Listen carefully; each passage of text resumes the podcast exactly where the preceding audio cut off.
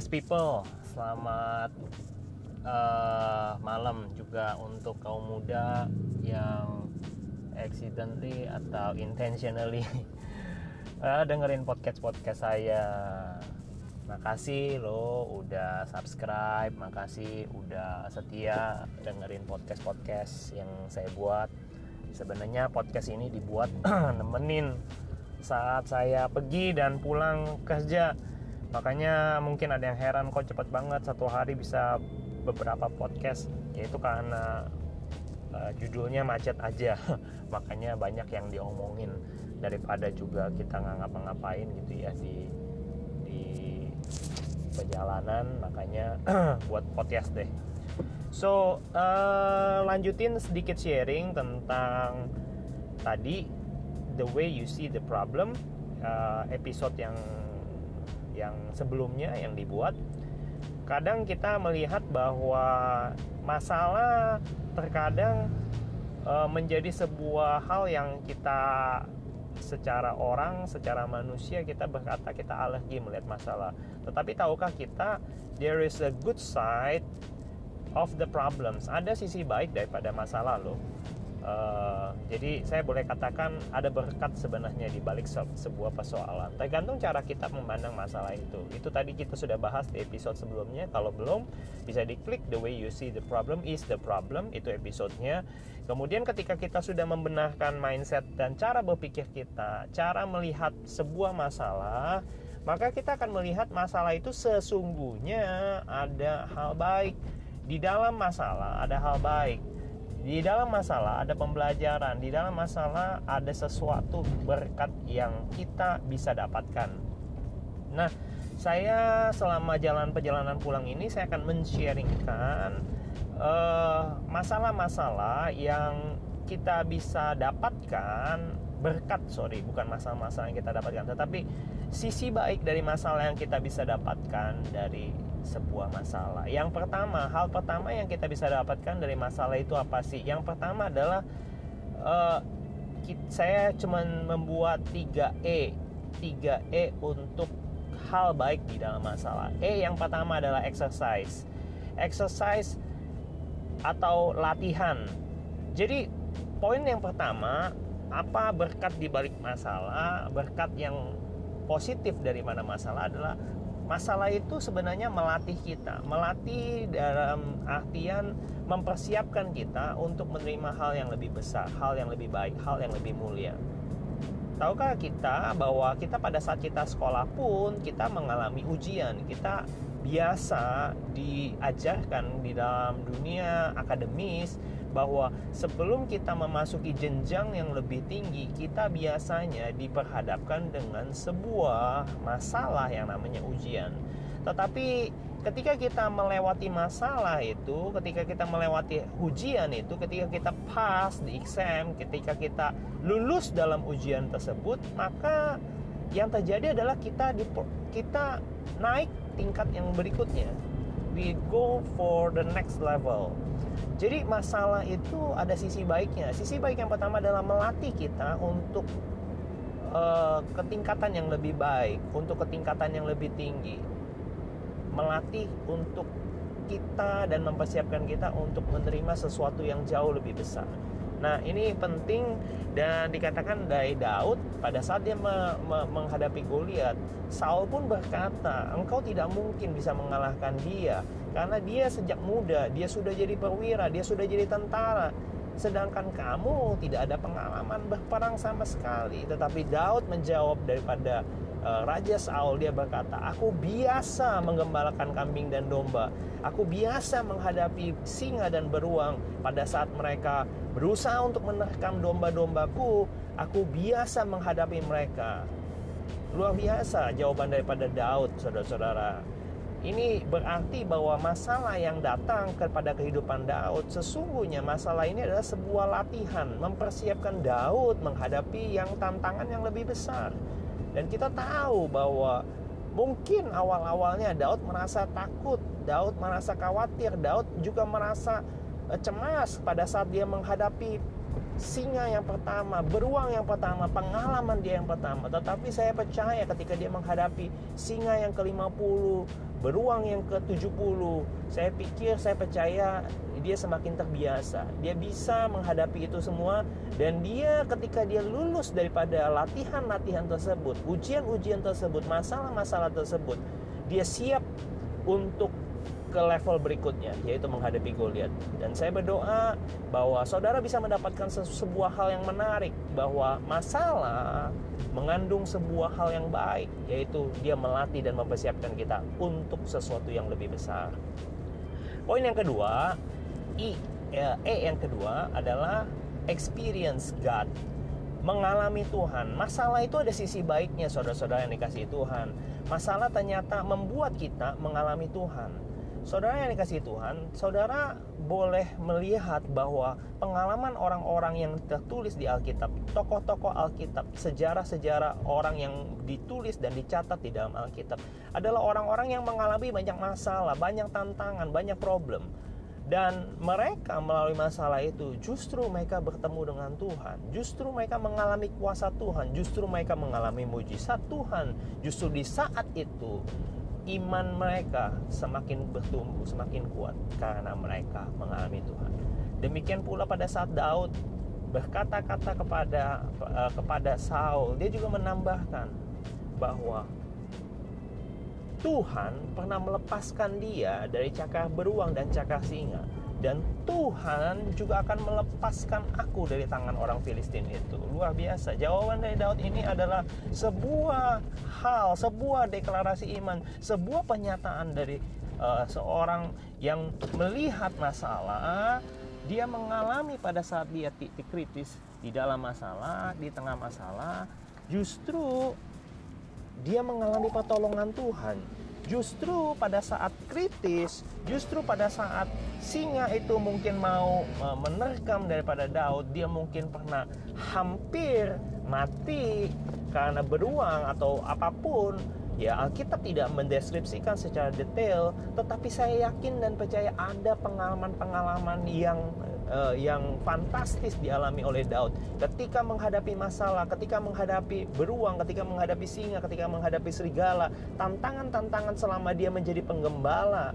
Saya tahu bahwa dia berkata, Tuhan melepaskan aku dari cakar beruang dan cakar singa. Artinya Tuhan juga menolong dia pada saat menghadapi hewan-hewan buas, pemangsa-pemangsa predator-predator domba-dombanya dan di saat itu dia merasakan bahwa Tuhan menolong dia, Tuhan melepaskan dia dari maut, Tuhan menolong Daud pada saat dia membutuhkan pertolongan.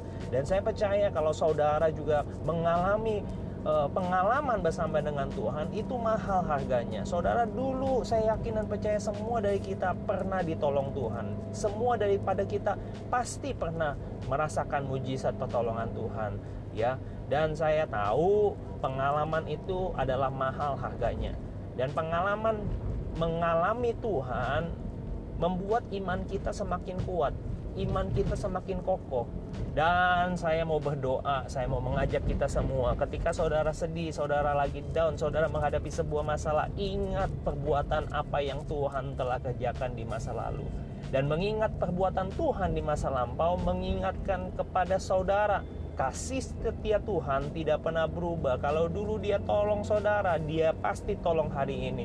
Esok pun kalau saudara butuh pertolongan, dia pasti tolong saudara. Amin. Dan kita tahu bahwa pengalaman bersama dengan Tuhan membuat kita semakin kuat mengiring Tuhan.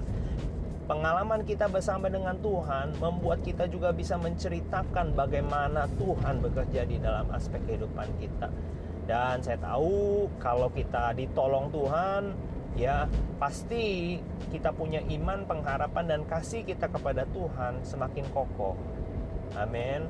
Jadi masalah membawa sebuah hal yang baik sebuah berkat buat setiap kita masalah terkadang mempertemukan kita dan mengalami kuasa Tuhan di dalam kehidupan kita. Lewat masalah kita bisa berjumpa dengan Tuhan. Lewat masalah kita bisa menemukan pribadi Tuhan pada saat engkau berkekurangan, engkau mengalami Tuhan, Dia adalah Jehovah Jireh. Pada saat engkau sakit, engkau mengalami jamahan kuasa Tuhan bekerja atas kehidupanmu dan engkau mengenal Dia, Jehovah Rafa. Dan saya tahu dan saya yakin setiap pribadi yang lepas pribadi yang mendengarkan podcast ini, mungkin engkau mengalami masalah, engkau mengalami sakit penyakit sudah lama tidak sembuh-sembuh. Yakin dan percayalah punya iman kepada Tuhan Yesus. Dia tidak pernah mengecewakan. Kuasanya dulu, sekarang dan sampai selama-lamanya tidak pernah berubah.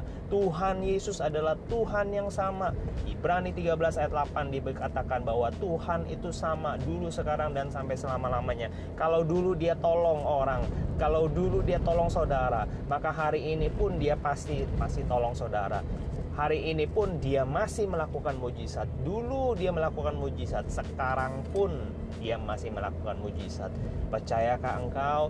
Yakin dan percayalah dan jangan tawar hati. Yang penting tetap setia kepada Tuhan Yesus, tetap beriman kepada Tuhan Yesus. Nantikan Tuhan, maka Dia akan mengerjakan bagian yang kita tidak pernah pikirkan sebelumnya. Haleluya, haleluya. Eh, yang kedua tadi dikatakan experiencing God, mengalami Tuhan itu adalah sebuah sisi baik daripada masalah. Yang ketiga, yang terakhir adalah elevate your value, mempromosikan nilai kehidupan kita, menaikkan nilai hidup kita. Kalau kita melihat saudara-saudara yang dikasih Tuhan, pada saat Daud me me mengawali uh, menawarkan jasanya, bantuannya. Dia berkata kepada Saul, "Jangan engkau menjadi tawar hati, hambamu ini akan pergi menghadapi uh, Goliat." Saudara tahu apa yang menjadi respon daripada Saul? Saul tidak menanyakan namanya, Saul juga tidak peduli. Saul hanya berkata, "Engkau tidak mungkin anak muda mengalahkan pahlawan itu." Jadi pada saat dia ketemu masalah, sebenarnya orang lain banyak kan Sepat sama seperti kita ketika kita menghadapi masalah tidak banyak orang mau peduli sama kita. Tidak terlalu banyak orang mau uh, uh, kepo sama kita ya. Bahkan kalau saya bilang orang yang lagi ada masalah males orang juga deket-deket sama kita. Setuju tidak? Jadi ketika kita tahu bahwa ketika ada masalah Daud menawarkan diri dan Dikatakan di situ di firman Tuhan, Saul tidak bertanya tentang namanya, tetapi 1 Samuel 17 ayat 58 berbeda hasilnya ketika Daud berhasil mengalahkan Goliat, ketika Daud berhasil memancung kepala Goliat dengan pedangnya Goliat sendiri. Saudara lihat apa yang menjadi respon daripada Raja Saul. Dia bertanya kepada panglimanya Abner, siapa dia? Siapa anak muda ini? Anak siapa orang ini? di mana tinggalnya, dari mana asalnya. Semua orang sibuk, sama seperti Raja Saul.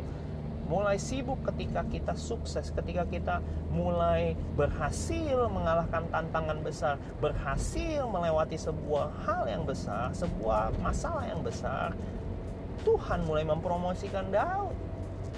Hal yang tidak pernah dipikirkan mulai terjadi di atas kehidupannya. Orang-orang mulai kepo atas kehidupan Daud Saudara ingat mungkin beberapa pekan yang lalu, sebulan atau dua bulan yang lalu, saudara mendengar sebuah kisah seorang pelari atletik dari Indonesia, asal Indonesia yang memenangkan uh, lari cepat, ya. Saya lupa di kota mana, yang namanya Lalu Zori. Siapa Lalu Zori sebelumnya? Orang tidak mengetahui. Dia tinggal di di, di perumahan di uh, Nusa Tenggara Barat yang rumahnya itu sangat-sangat tidak layak untuk dihuni. Keluarganya miskin, saudara-saudara. Dia bisa lari, bisa dikirim itu pun juga karena anugerah, karena bantuan. Ya, semua orang semua tidak tahu dan mengetahui siapa lalu Zuri. Tetapi ketika dia memenangkan pertandingan, ketika dia memenangkan lomba atletik itu, saudara tahu nama lalu Zori, semuanya orang berusaha untuk kepo dengan dia. Semua orang berusaha untuk menolong dia. Bahkan seorang yang pengacara kondang yang namanya Pak Bang Hotman Paris. Saudara tahu apa yang dia dia dia, dia katakan?